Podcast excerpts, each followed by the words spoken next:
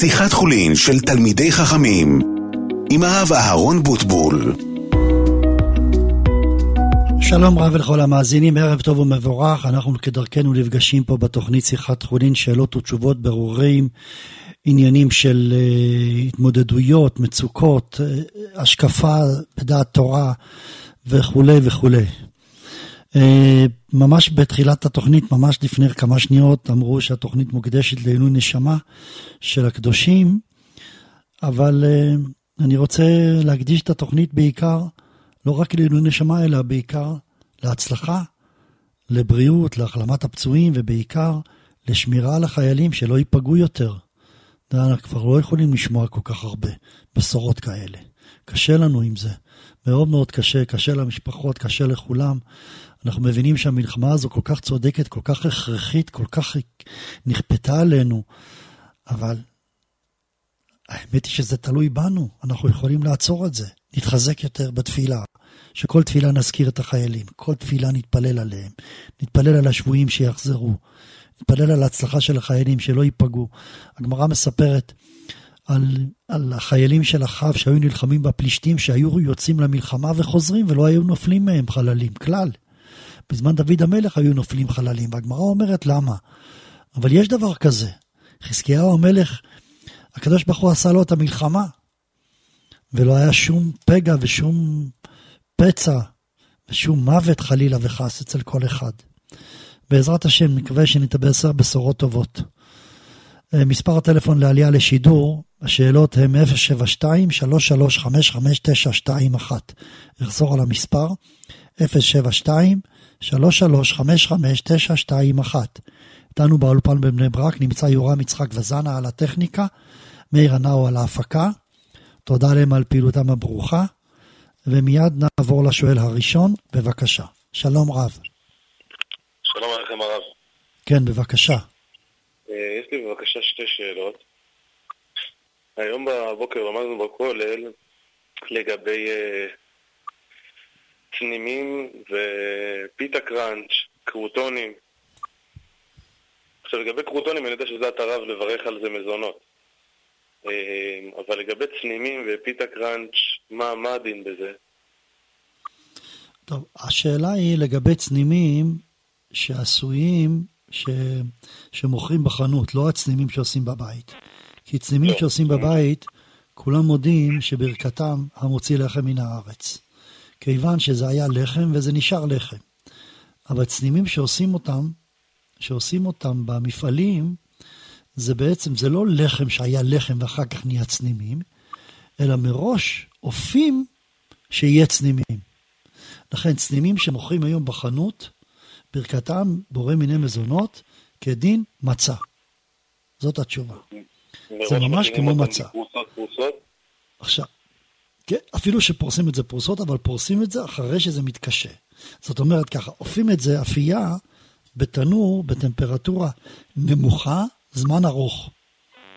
בגלל זה זה מתקשה, זה נאפה באפייה איטית וזה מתקשה. כלומר, האפייה היא של לחם קשה.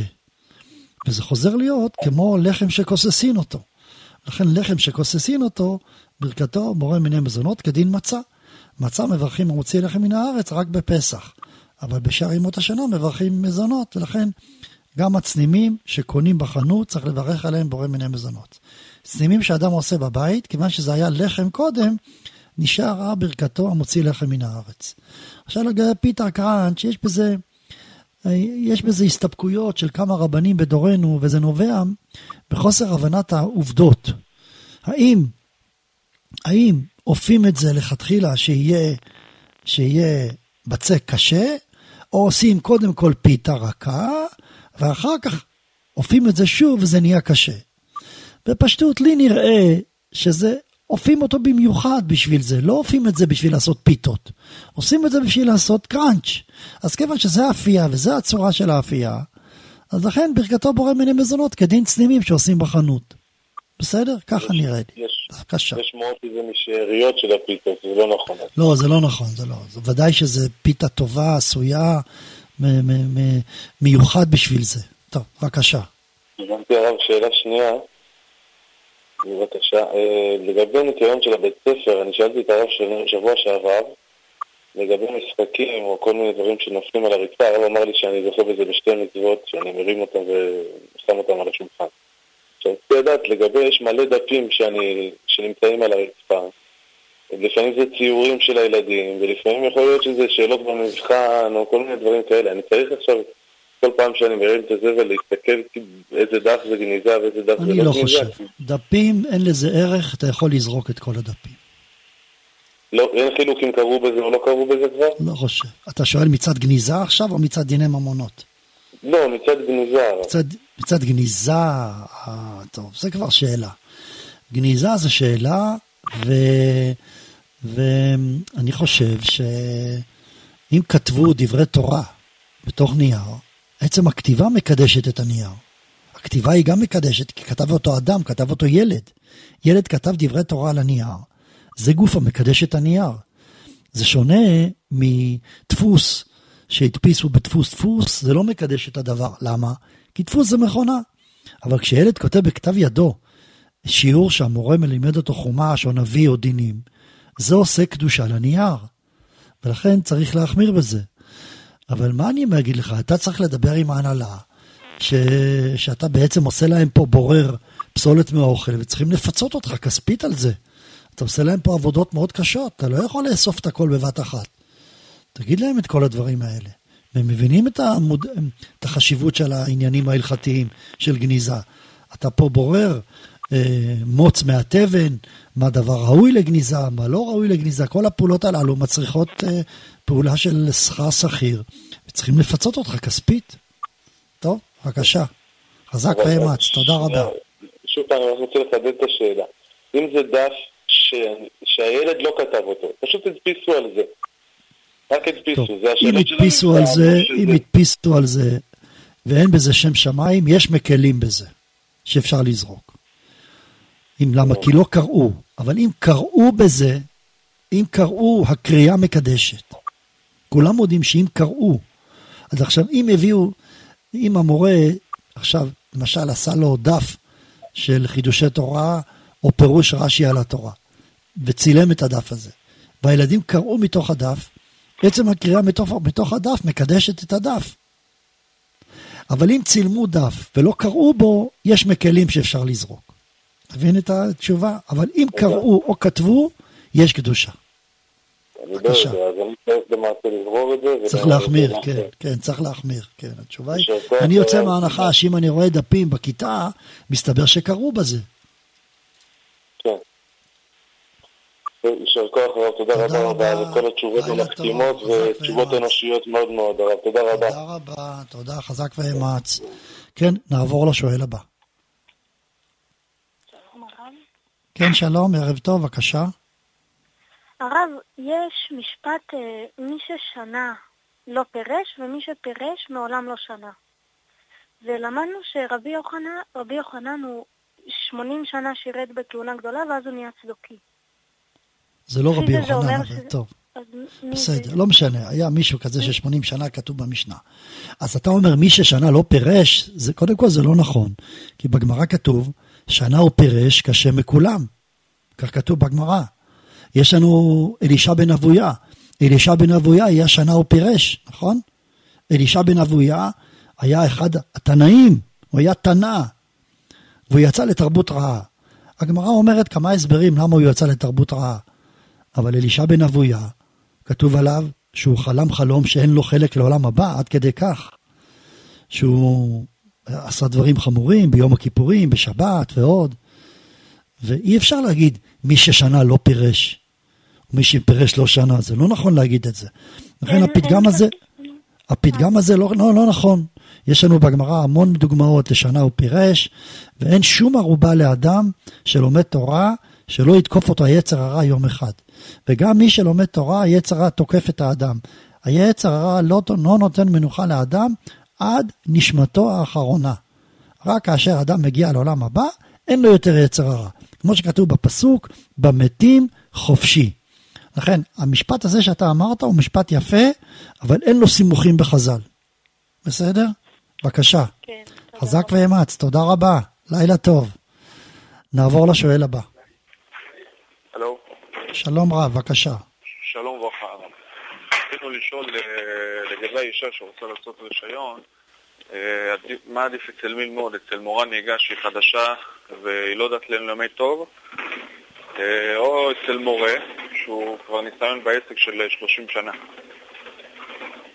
טוב, אז אתה כמובן, כמובן שמבחינת לימוד יותר טוב ללמוד אצל המורה, אבל מבחינת צניעות זה לא מתאים בכלל. צריך לעשות הכל שאישה לא תלמד אצל מורה.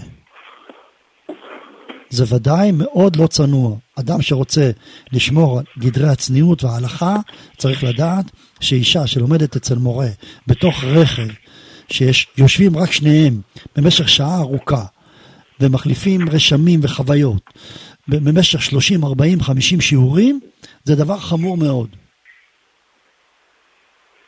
זהו. עכשיו, אם, אז, אז, אז אתה אומר לי בעצם שהמורה היא מורה לא טובה. אני מסכים איתך שהמורה לא טובה. אז מבחינה לימודית, זה ודאי שזה לא משתלם.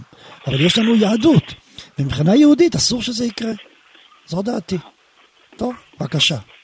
תודה רבה. חזק ואמץ. תודה רבה, לילה טוב. נעבור לשואל הבא. ערב טוב, הרב, ערב טוב. שלום, ערב טוב, בבקשה. הרב, רציתי לשאול, זוג מבוגרים שבבית, ואחד מהם חולה צריך לפנות אותו בשבת לבית חולים, האם ההלכה היא כמו אה, יולדת שמותר לקחת את התיק ועם הכסף ועם הטלפון והכל, כי אחר כך אף אחד לא ידע שהם לא בבית. אז התשובה היא כן. ברגע שאדם נאלץ להתפנות לבית חולים בשבת, אז מותר לקחת הכל, מותר לקחת גם כסף, מותר לקחת דברים. ואני אסביר למה. בגלל שבשולחן ערוך כתוב בסימן שכ"ח, חולה שיש בו סכנה, עושים לו כל מה שרגילים לעשות לו בחול. זה לגבי חולה. ובוודאי ש, שאי אפשר לדעת מה יצטרכו כשמגיעים לבית החולים. אולי יצטרכו כסף, אולי יצטרכו כרטיס אשראי, אולי יצטרכו כרטיס כזה. לא עושים חשבונות, לוקחים מה שצריך. עכשיו, דבר נוסף, עצם הלקיחה של הדברים הללו לא כרוכה באיסור דאורייתא. האיסור דאורייתא זה הנסיעה. הנסיעה ודאי חייבים לעשות. כל הדברים האלה אולי נקראים כלי שמלאכתו לאיסור, מוקצה. אבל מוקצה בוודאי מותר לצורך חולה. אז אני בכלל לא חושב שצריך להסס, לקחת הכל וזהו. אוקיי, טוב. תודה רבה. ערב תודה, טוב, תודה. ערב טוב. נעבור לשואל הבא. הלו? שלום, בבקשה. כן, שלום הרב. קודם כל, תודה רבה לרב על השיעורים, מאוד נהנים. תודה. אה. ככה, רציתי לשאול לגבי הנושא הזה של, אה, אה, של ככה, קודם כל, אני זכיתי ברוך השם להתקרב וזה, לחזור בתשובה, למדתי בישיבות כמה שנים וכולי. בכל מקרה רציתי לשאול שאלה, שכיוון שאני היום, אני, אני כאילו מתעסק גם, כאילו אני גם בסביבה של אנשים שחוזרים בתשובה והכול, ואני רואה, אני רואה תופעות שאני, הש- השאלה באמת מה, מה ההשקפה, מה ההשקפה לגבי זה, של דעת התורה. אה, דבר ראשון, אה, לגבי כל מיני אה, ענייני הדקדוק בדיבור, שהם, ש... להדגיש כל מיני, כל מיני דברים, להדגיש, כאילו לדיבור עם חטא ועין, וכאילו בהקצנה של כל מיני דברים, דברים שהם לא, לא באים בטבעי, ובאמת הבן אדם שמדבר איתך הוא ממש נשמע מוזר ולא ברור. אה, זה, זה דבר אחד. דבר שני, השאלה האם, אה, האם בעל תשובה שחזר בתשובה, האם הוא צריך אה, ללכת ל... האם הוא צריך כאילו כביכול, נקרא לזה, להיטמע בתוך החברה, בתוך החברה החרדית שעכשיו הוא משתייך, הוא משתייך אליה, וכאילו, שכביכול שלא ידעו שהוא בעל תשובה, זה כאילו גם כלפי מוסדות ודברים כאלה. וגם בעניין, אדם שהיה בצבא עכשיו, נגיד יש כל הנושא הזה של המלחמה, לצערנו אז יש צורך אה, של אנשים אה, לשאת נשק. אז גם בעניין הזה, האם זה לא איזה, איזה כאילו אה, ביטוי ל- לאלימות, ואדם שהוא נושא נשק הוא, הוא כאילו זה מאיים, זה יוצר איזה, איזה סוג של כאילו חוסר עדינות כזה. טוב. שאלה אם זה מתאים לבן תורה. טוב, בסדר, השאלה השלישית לא קשורה לעניין בעלי תשובה. השאלה הראשונה, טוב, אז אני אענה. קודם כל, לגבי השאלה ששאלת בדקדוק והבהרה בדיבור. אז אה, השאלה היא בעיקר לא לגבי הדיבור היומיומי, השאלה בעיקר לגבי נוסח התפילה. זה בעצם השאלה. או קריאת שמע. הרי כשאנחנו אומרים קריאת שמע, צריך לדקדק באותיותיה, כך כתב מרן. קרא ולא דקדק באותיותיה, יצא. בדיעבד.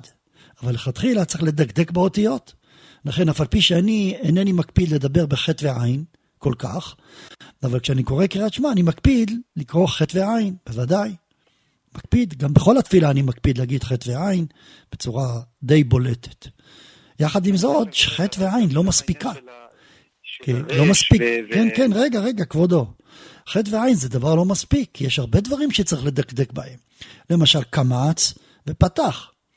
למשל, למשל, ט' ות', ק' וכ', ו' וב', רפויה, ב' רפויה וו' שוות. מה ההבדל בין חולם לבין קמץ, וכן על זה הדרך, כל השאלות הללו. בעיקר קמץ ו... ופתח, שיש הבדל ביניהם, כמו שמשתמע מהמילה קמץ, שקומצים את הפה. פתח, פותחים את הפה.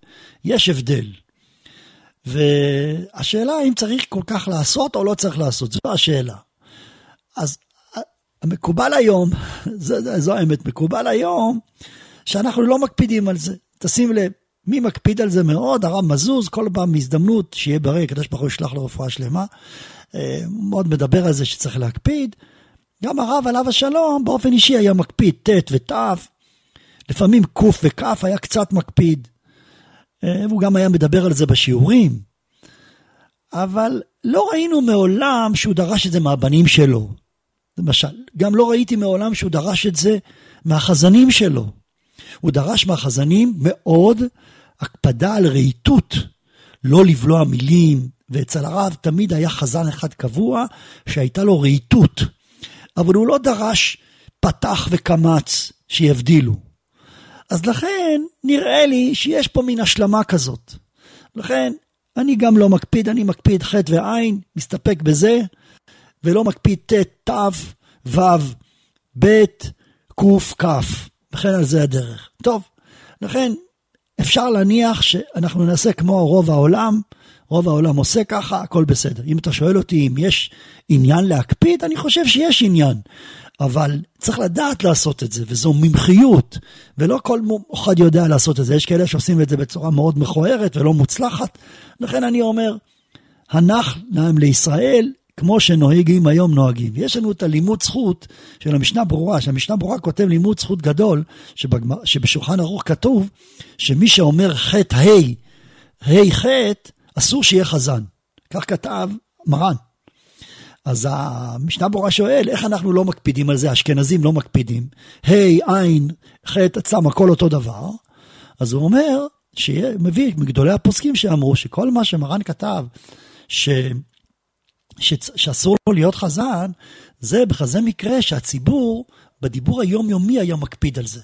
אבל אם בדיבור היומיומי לא מקפידים, ומבינים איש את רעהו, גם בלי ההקפדה של חטאים והין, אז אפשר להתפלל ככה.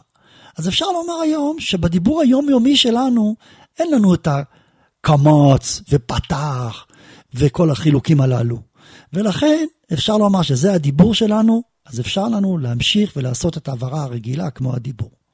עכשיו לגבי השאלה השנייה שאתה שואל, האם בחור בעל תשובה צריך להיטמע, הגדרת במילה להיטמע, בציבור החרדי או לא? עכשיו התשובה היא ככה, צריך להקפיד מאוד, ועל זה, על זה אני בוכייה, שיש קשיים לבחורים, אברכים בעלי תשובה, להכניס את בניהם למוסדות, לצערנו הרב, של ספרדים יוקרתיים. זו המציאות. ו- ואני יודע שבעל תשובה שרוצה להכניס את בניו למוסדות יוקרתיים, צריך לטשטש לגמרי את העבר שלו שהוא בעל תשובה. אני באופן אישי חושב שבעלי תשובה נפלאים מאוד. הם, יש, יש אברכים בעלי תשובה שהם עולים עשרת מונים על האברכים שלמדו בישיבות מילדותם. ו, ו, ואני יכול להעיד שאני מכיר באופן אישי כמה כאלה שהם ממש תלמידי חכמים מופלגים, יראי אלוקים, בכל המעל, מה, מה זה קשור בעל תשובה? חז"ל אומרים, גדולים בעלי תשובה יותר מצדיקים. אבל השאלה אם להיטמע או לא להיטמע, זה לא קשור לשאלה הזאת. זה בסך הכל שאלה, האם אדם רוצה לשמור על הילדים שלו ורוצה להיות בסביבה חרדית, או שהוא רוצה להיות בסביבה חילונית ורוצה להשפיע על החילונים שסביבו. זה כבר שאלה צדדית, זה לא קשור לעניין הזה בעלי תשובה או לא בעלי תשובה, ולכן אני בעצם חושב שבעצם יש עניין לגור בסביבה חרדית כדי לשמור על הצאצאים שלנו. כולי היי ואולי, זה לא עוזר, זה לא מספיק, אנחנו רואים המון המון נשירה, גם במשפחות חרדיות, בתוך אזורים חרדיים, רואים נשירה גדולה. לצערנו הרב רואים את זה ואנחנו מטאטאים את זה מתחת לשטיח, אבל זה קיים. עכשיו לגבי נשיאת נשק, נשיאת נשק זה לא דבר אלימות, אני חולק עליך. אני לא רואה אלימות בנשיאת נשק. נשיאת נשק זה אפילו דבר שצריך להצניע אותו, וההלכה מפורשת היא שלא להכניס נשק לבית הכנסת. מרן כותב בשולחן ערוך, אסור להיכנס עם סכין ארוכה לבית כנסת. למה? כי רואים אותה. ולכן אדם שנושא נשק, מגיע לבית הכנסת, צריך להצניע את הנשק מתחת בגדיו. אלימות, מאן דחר שמה. אני לא רואה בזה אלימות, אני מכיר המון המון אנשים שאין להם קשר כלשהו לאלימות, והם מחזיקים נשק בשביל ביטחון אישי, בשביל כל מיני סיבות. היום מרגישים צורך לשאת נשק בגלל ביטחון אישי, לא בגלל חס וחלילה עניינים שבין אדם לחברו, חס ושלום. הסיבה שאנחנו מחזיקים נשק, כי אנחנו נמצאים עם סביבה, לצערנו הרב, של ישמעאלים, ש... ש, ש, שחרטו על דגלם את הרציחה, הם יכולים להרוג את אמותיהם, אביהם, אחיותיהם, בניהם, בנותיהם, בלי להניד עפעף, כמו שאנחנו ראינו, והם נכנסו בתוכנו, מעורבים בתוכנו, כאילו מצצו את לשד עצמותינו פה בתוך ארץ ישראל. והקדוש ברוך הוא גזר שאנחנו נהיה איתם יחד. ואנחנו חייבים לשמור על עצמנו. ולכן אני אמרתי שמי שיכול להוציא רישיון לנשק, רצוי שיוציא רישיון לנשק, אלימות, אני לא רואה בזה, אני חושב שצריך להצניע את זה, אבל טוב שיהיה לאדם נשק ולא לתלות את יהבו בנשק. לחשוב שהקדוש ברוך הוא שומר. למה אני נושא נשק? כי צריך לעשות השתדלות. והקדוש ברוך הוא אמר לא לסמוך על הנס. ליתר ביטחון, אבל הביטחון הוא קודשא בריחו. ככה זו ההשקפה האמיתית וכך צריך להתייחס. טוב, אני מודה לך מאוד. תודה רבה. תודה רבה, ערב טוב. כן, נעבור לשואל הבא. לא, אנחנו נצא להפסקת פרסומות ומיד נשוב. אתם מאזינים לשיחת חולין של תלמידי חכמים עם הרב אהרון בוטבול. כן, חזרנו עליכם, נעבור לשואל הבא. שלום רב. שלום וברכה, הרב. בבקשה, כן. שלום, יש לי שאלה. אני מורה בבית ספר שהוא ממלכתי דתי תורני. אה, אני מהמגזר החרדי, ולצערי יש הרבה ככה אה, רוח בבית ספר על אה, פמיניסטיות. עכשיו, תלמידות uh, בכיתה ו', uh, שהן כבר uh, בוגרות יחסית, הרבה פעמים מתייעצות איתי ושואלות אותי שאלות uh, בנושאים האלה, על מעמד האישה, למה אנחנו לא כמו הגברים. אשמח לשמוע uh, ככה את הדת uh, תורה של הרב. טוב, שאלה טובה. Uh, אני מבין שהיא שואלת למשל, uh, uh, איך זה שבת... בתפיסה התורנית, האישה נחותה מהבעל, ושומרים כן, על כן, הזכויות שלה. האלה. הכתובה, תמיד אנחנו רואים כאילו האישה היא כזאת, היא מוגנת כזו, אבל הבעל הוא היוצר, הוא הנותן. טוב, אז קודם כל, התשובה היא, בוא, בוא, קודם כל צריך לענות תשובה פשוטה מאוד. אה, תשאלי אותה, את אותה ילדה, למה היום כשעושים אולימפיאדה אצל הגויים, ועושים אולימפיאדה של ספורט. יש ספורט נשים ויש ספורט גברים. לעולם לא יהיה מצב שהתחרות של הנשים והגברים יהיו יחד. לעולם לא. זו המציאות. ולמה? מסיבה פשוטה. כי גופנית, ההישגים של נשים שונ, שונים מההישגים של גברים. אז לכן כביכול הגבר יש לו אה, איזה מקדם יותר גדול, וזה לא מתאים שהוא יהיה יחד בתחרות עם אישה. זו עובדה. מבחינה גופנית אי אפשר להתווכח. אז, אז למה היא לא יכולה לבוא ולצעוק שיש פה סתירה לפמיניזם? התשובה היא, כי זה עניין מציאותי. עכשיו, כשבאים ואומרים אה, פמיניזם, לא פמיניזם, אז אה, הם מנסים לעשות על הכל שוויון, שוויון. זה בעצם השמאל, יש לו אידיאולוגיה של שוויון ואין בכלל מושג שאדם מורם מחברו. היהדות למשל אומרת שיש דבר כזה. אתה בחרתנו מכל העמים, אהבת אותנו ורצית בנו. דרך אגב, דווקא בגלל שאת מלמדת אה, בנות מהמגזר הממלכתי-דתי, אני חושב שדווקא זה יתקבל אצלם. אה, תשאלי אותה, מה, את חושבת שאת כמו ערבייה? אסור לי להגיד דבר כזה ברדיו. אבל תשאלי אותה, היא תגיד לך, בטח שלא. אני יודע שהיא תגיד את זה. הכיפות הסרוגות יגידו, בוודאי שלא. אנחנו יהודים, אנחנו יהודיה. ואני אומר פה ברדיו, אני לא בקשר לערבי יותר טוב ממנו, אני גם בקשר לביידן יותר ממנו, ואפילו לאילון מאסק יותר ממנו. אני לא מדבר על ערבי סתם איזה אחד זבלן, אני מדבר על אדם חשוב, פרופסור באוניברסיטת בהרווארד, או באוקספורד. הרבה, אני הרבה יותר חשוב ממנו. ולמה? בגלל זה שלי יש נשמה גדולה, נשמה של יהודי, ולא אין. עכשיו, אם נעשה חשבון, אם אנחנו הולכים ביהדות, אז הגבר התחייב בתלמוד תורה. הגבר התחייב במצוות. האישה לא התחייבה בתלמוד תורה. אז אין מה לעשות. וכל מהות העולם ובריאת העולם היא בשביל התורה. כתוב בראשית ברא אלוהים את השמיים ואת הארץ, בשביל ראשית, שהתורה נקראת ראשית. כלומר, כל בריאת העולם היא בשביל התורה. עכשיו, מי, מי לומד תורה? רק האישה. האיש, למה את לא תשאלי אותה? למה הקדוש ברוך הוא לא נתן לאישה ללמוד תורה? כי מציאות היא, עכשיו, האישה היא, עכשיו, הדבר הכי הכי חשוב להגיד, לה, אני הייתי אומר לילדה הזו, אם את שואלת, אם זוג דתי או חרדי מרגיש שהוא יותר מאשתו? בטוח שלא. הגבר מחזיק בדברים מסוימים שאשתו עולה עליו. למשל, בתחום הזה של הגישה לילדים, טיפול בילדים, אני מדבר טיפול רגשי, לא טיפול פיזי. בוודאי שלהעניק היא מניקה. אבל גם טיפול רגשי. אני חושב שאישה עושה את זה הרבה יותר טוב מהגבר. הנה, יש לה פור לפניי. בטיפול הזה שכל הנושא הזה של הסידור, במיוחד כאשר הורים מתבגרים, ומתחילה המשפחה לגדול, ויש נכדים, וזה, יש סיבוכים, בדרך כלל תמיד יש סיבוכים, לא? כמה משפחות יש סיבוכים. מי מסדר את כל הסיבוכים? האישה. ותשימו לב, אה, בנושאים מסוימים, ניווט, ניווט של, אני יכול לספר שהבית הלוי למשל אמר, כשהוא התחתן עם אשתו הרבנית, אז הוא אמר, כל ענייני עולם הזה את מחליטה.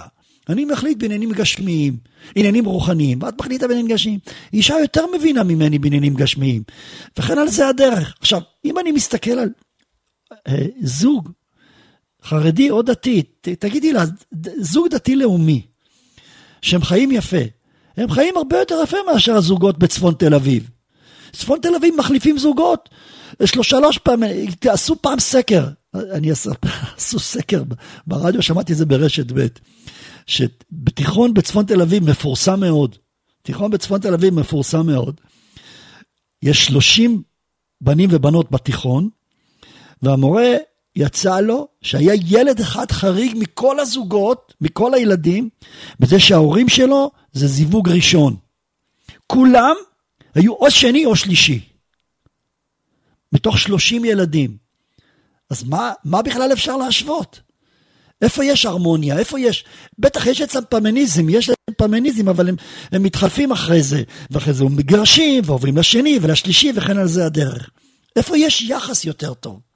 אז בעצם התשובה מורכבת, זה נושא ארוך, וצריך לדבר עליו באריכות, אבל אני אמרתי פה כמה נושאים, אני אחזור. דבר ראשון, יש בנקודת הפתיחה שוני בין איש לאישה. דבר שני, עניין של קיום העולם זה התורה. ואיש התחייב בתלמוד תורה, האישה לא התחייבה בתלמוד תורה. דבר שליש, שלישי, בהרמוניה שיש בין איש ובין אשתו, אצל, אצל הזוגות החרדים והדתיים, הרבה יותר הרמוניה, והרבה יותר אה, סטטיסטית. הזוגות הם זוגות ראשונים ממשיכים ואין גירושין, מצב הגירושין הרבה פחות מאשר אצל החילונים, מה שרואים. והקשר וה, והתיאום והאהבה והאחווה שיש בין בני הזוג, והערכה, בעיקר הערכה והדבר החמישי, הרביעי, יש לאישה המון המון דברים שאין לאיש. תחום הרגשי, טיפול במשפחות, חינוך ילדים, ועוד כל מיני דברים אחרים שזה נותנים לאיש, לאישה. כשאני אומר בבוקר שלא עשני אישה, אני לא מתכוון להגיד שהאישה פחותה ממני באישיות. זה לא נכון, אני חושב שבאישיות היא יותר טובה ממני. אני אומר שלא עשני אישה בגלל שהקדוש ברוך הוא ציווה עליי ללמוד תורה, ואני מאוד מאוד יודע שהתורה זה מהות העולם, מהות החיים. ואני מודה לך, רבנו של העולם, שעשית אותי גבר שאני יכול ללמוד תורה, אבל לא בגלל שאני גבר ואישה, בגלל שאני לומד תורה, אבל אדם שלא לומד תורה אז הוא הרבה פחות מגבר, מאישה.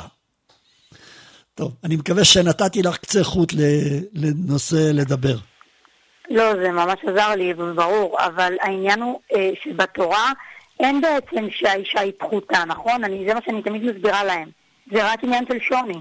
תראי, מבחינה מסוימת, תראי, עצם העובדה ש, ש, שאיש מותר לו להתחתן עם שתי נשים, ו- ולאישה אסור להתחתן עם שני גברים, אז באיזשהו מקום זה קצת אה, מראה חוסר פמיניזם לכאורה. אז קודם כל, אפשר לומר באופן מוחלט שהיום זה אסור, ורבנו גרשום אסר את זה, ויש איסור מוחלט, וגם היום אי אפשר לגרש אישה בעל כורחה. בתורה אפשר לגרש אישה בעל כורחה, אבל היום אי אפשר ואסור לגרש אישה בעל כורחה, היום צריך לגרש אישה ברצונה ומכבדים אותה. בפועל היום צריך, אה, צריך נישואים הם נישואים אה, עם הסכמה של שני הצדדים וגם גירושין צריך הסכמה של שני הצדדים. אז אה, קשה להגיד שאם הייתי מסתכל על התורה לבד, צריך ליישב כמה דברים בתורה, אבל אני הייתי קצת מתעלם מזה, אני הייתי הולך בכיוון של היום, לראות היום מה קורה. את יכולה לפרוט מאוד על נימי הרגש בתחום הזה, ש, ש, ש, שסטטיסטית הזוגות 70, 80, 90 אחוז שורדים עד אה, יומם האחרון, מה שלא קיים אצל החילונים, זה, זה נפלא. ו, והקשר, ויכולה לראות מה קורה אצל ההורים, וכן על זה הדרך. טוב, בסדר גמור, חזקי ואמצי. תודה רבה. בבקשה, לילה טוב. כן, נעבור לשואל הבא. שלום כבוד הרב, ערב טוב. שלום רב, בבקשה. אה, רציתי לשאול את הרב, אה, לגבי חינוך ילדים, יש אה, בית כנסת שבתפילת ערבית של שבת, אז לפני התפילה נותנים לילדים ספרים כאלה של ילדים, כל מיני קומיקסים וכאלה, לקרוא את זה לפני התפילה כדי שיהיו בשקט ולא, ולא יפריעו. מה, מה הרב אומר על הדבר הזה? והם מתעסקים בזה בתפילה? יש כאלה שגם בתפילה מתעסקים עם זה, כן. חוץ מזה שזה גם יוצר עניין, כאילו, סביב הדבר הזה. טוב, תראה, ברור ש... שהנושא הזה של חינוך ילד בתוך בית הכנסת, זאת אומרת, אנחנו מביאים את הילדים לבית הכנסת מגיל סביר, עושים את זה כמובן בחשק, נותנים לו ממתקים וכולי. עכשיו מגיע שלב שצריך ללמד את הילד איך מתנהגים בבית הכנסת ומה עושים בבית הכנסת. שבבית הכנסת לא באים סתם כדי לחלום או לפטפט, אלא כדי להתפלל. וזה כבר תפקיד הרבה יותר קשה. אז בשביל זה תמיד עושים בבתי הכנסיות הווי, הווי סביב התפילה. שרים, אה, קטעים מסוימים, במיוחד בשירה של שבת, שרים, נותנים לילד לקרוא שיר השירים, נותנים לילד לקרוא אה, ראובנים, או עוזר, או עוזר לחזן. באיזשהו מקום, הדבר הזה שנותנים לילד, זה מאוד מאוד מקשר אותו עם העניין הזה של התפילה. עכשיו, אם הילד מתעסק, מתעסק בקומיקס הזה באמצע התפילה, ברור שצריך אם הוא ילד מעל גיל תשע, צריך להעיר לו, אבל כמובן תלוי איך מעירים. להעיר לו מיד באותו רגע זה קצת פוגע, זה אפילו זה, אפשר לדבר על הנושא הזה. מה המטרה שאנחנו באים לבית הכנסת, אנחנו באים להתפלל, ואם, ואם לדבר איתו, אם קשה או לא קשה, זה מאוד תלוי. למשל, ביום שישי האחרון עלה ילד בן עשר, שאמר לי שמאוד מאוד קשה לו להיות בבית הכנסת, וחבל שלא הצלחתי להמשיך לתקשר איתו בגלל שהשיחה נותקה, ורציתי מאוד לדבר איתו, לשמוע מה בדיוק הבעיה שמפריעה לו. אבל הנה, ראינו, בפועל, עלה ילד ואמר, קשה לו להיות בבית הכנסת. כי דורשים ממנו תפילה, כנראה אולי צעקו עליו, אולי פגעו בו, משהו כזה. ולכן צריך מאוד מאוד בזהירות לעשות את זה. אבל ברור שאם מביאים את הילד לבית הכנסת, והילד כבר גדול בגיל תשע, ובזמן שמתפללים הוא מפטפט, או בזמן שמתפללים הוא לא קורא את הטקסט וקורא משהו אחר, יש פה קלקול. זה חינוך לא טוב.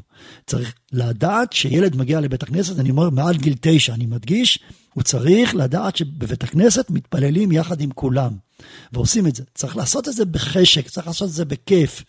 ואם נותנים לילדים לקרוא קומיקס, נגיד לו, הקומיקס הזה תקרא אולי בזמן שקוראים שיר השירים, אני יכול לוותר לך על שיר השירים, רק תקרא את הקטע שלך, תקרא קומיקס. אבל בזמן שמתפללים ערבית, בזמן שאומרים את כל הברכות, אתה חייב להפס... להפסיק מהקריאה בקומיקס ולקרוא מתוך הסידור את כל החומר. זה חלק מהמחויבות שלך. בצורה כזאת אפשר להצליח, לעשות את שני הדברים יחד. בסדר?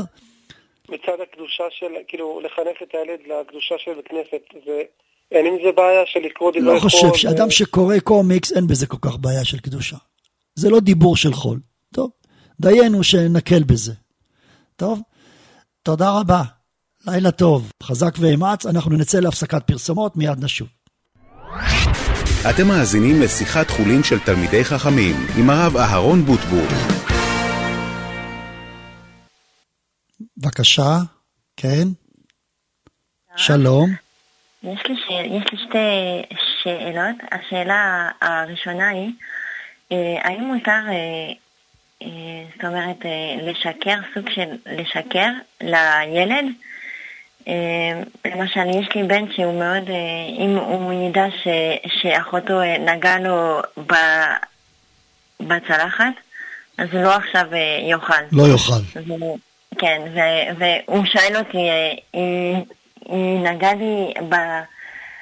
בצלחת אה, או לא, ועכשיו אני רוצה להגיד לו כאילו רק את האמת, אבל אם אני יודעת שאני אגיד לו כאילו שהוא כן, שהיא כן אה, נגעה לו, אז הוא ירצה כאילו צלחת אחרת. עכשיו אני מלמדת אותו כאילו שזה לא נורא אם עכשיו אה, נגע לו פה, פה, פה קצת או פה...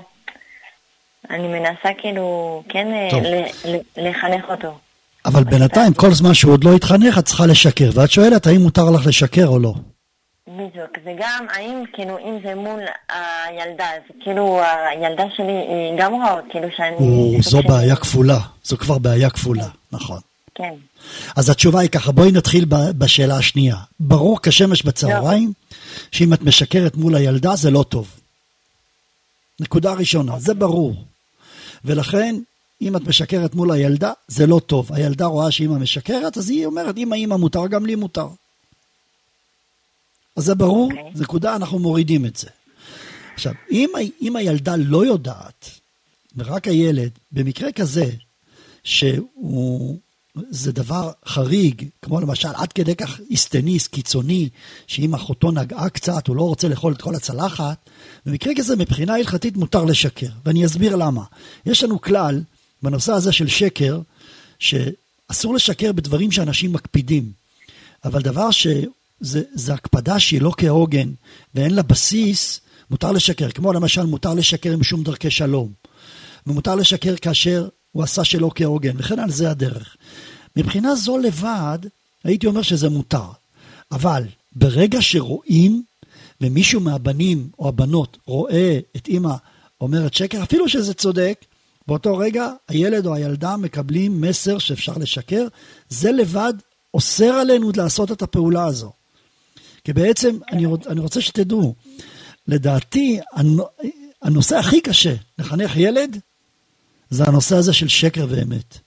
בגלל שבעצם, אה, הילד אומר, אף אחד לא יודע שאני משקר. הרי אה, אני פוחד מאבא, או אני, אני לא רוצה לצער את אבא. אני לא רוצה לצייר את אימא. אבל הם לא ידעו, זה מה שהוא אומר. אז אם הם לא ידעו, מה יש? והורים שיודעים להכניס לילדים שלהם אידיאולוגיה וערכים, מבינים שצריך להכניס לילדים ערכים שלא משקרים, גם כאשר אף אחד לא ידע מזה. כי עצם העובדה שאני משקר, אני בזוי בפני עצמי. אדם מכובד לא משקר. ודבר כזה הוא, הוא, הוא אבן יסוד ביהדות ואבן יסוד בחינוך לערכים. כי לא סתם חכמים כל כך כל כך הקפידו על העניין הזה שאדם שהוא בזוי הוא לא נאמן לעדות בגלל שהוא ישקר. כשאני רוצה לקבל עדות, אז אומרים לנו חז"ל, אדם שאוכל ברחוב, פלאפל ברחוב, כמו, אני בכוונה לוקח דוגמה של פלאפל כי זה ארוחה, אבל סתם לאכול אה, או משקה ברחוב, מעיקר הדין זה מותר. אבל אדם שאוכל ארוחה, לחם ברחוב, זה בזוי, והוא פסול לעדות בגלל שהוא משקר. לכן חכמים מאוד הקפידו על העניין הזה, של שקר ולא שקר. ולכן, הצלחה של חינוך זה כאשר אני מצליח שהילד שלי ילמד ממני לא לשקר. ולכן אני בהחלט חושב שברגע שהילדה רואה, אז אין בכלל אופציה כזו. בסדר? בבקשה, מה רצית לשאול עוד? יש לי עוד אה, שאלה. אה, האם אה, אפשר כאילו לומר נגיד לילד להחזיר ל, לילדה בשביל כאילו לחנך אותה ש, כאילו כדי שהיא תרגיש מה זה כאילו כש, כשבן אדם עושה לו. לא, אז התשובה היא לא. התשובה היא לא. אני מבין את השאלה. כאילו, האם יש בזה נקימה, סוג של נקימה? בוודאי שזה דבר שלילי. אם אני אומר לילד לתת מכה לאחותו כדי... לא מכה, כדי... אולי לא מכה. או להחזיר, לא אה, משנה. אבל זה לא משנה. לגעת בדברים שלו. אהה, אהה, טוב. אה, זאת אומרת לא מכה. אם זה לא מכה, לא, אז, לא מכה. לא אז מה, אז מה כן? למשל, למשל לגעת בה גם בתיק שלו, והוא, כאילו, בתיק שלה, למשל, אוקיי. והיא היא תמיד אה, לא, לוקחת לו את, ה, את המשחקים שלו ואת כל הדברים שלו, סתם בשביל אה, להציק לו. הבנתי. אז אני, ולה, יש לה גם את כל הדברים האלו, אבל היא רוצה סוג של, של תשומי כזה. תשומת לב. אז היא עושה את זה כן. בצורה שלילית, ואז היא מציקה לאחיה בזה שהיא מחטטת לו בתיק. בדיוק, כן. ואת רוצה לעשות, בעצם בוא נעשה, נעשה לך, נראה לך מה זה לחטט בתיק. אבל אני מרגישה אולי שזה סוג של אה, נקמה כזאת. נקמה, כאילו... זו נקמה. אבל אני חושב שאם את תעשי את זה למשל, זה יהיה בסדר. אבל אני עוד, אני מאוד מאוד מאמין בדיבור. אני מאמין בדיבור. כוח הדיבור הוא כוח עצום.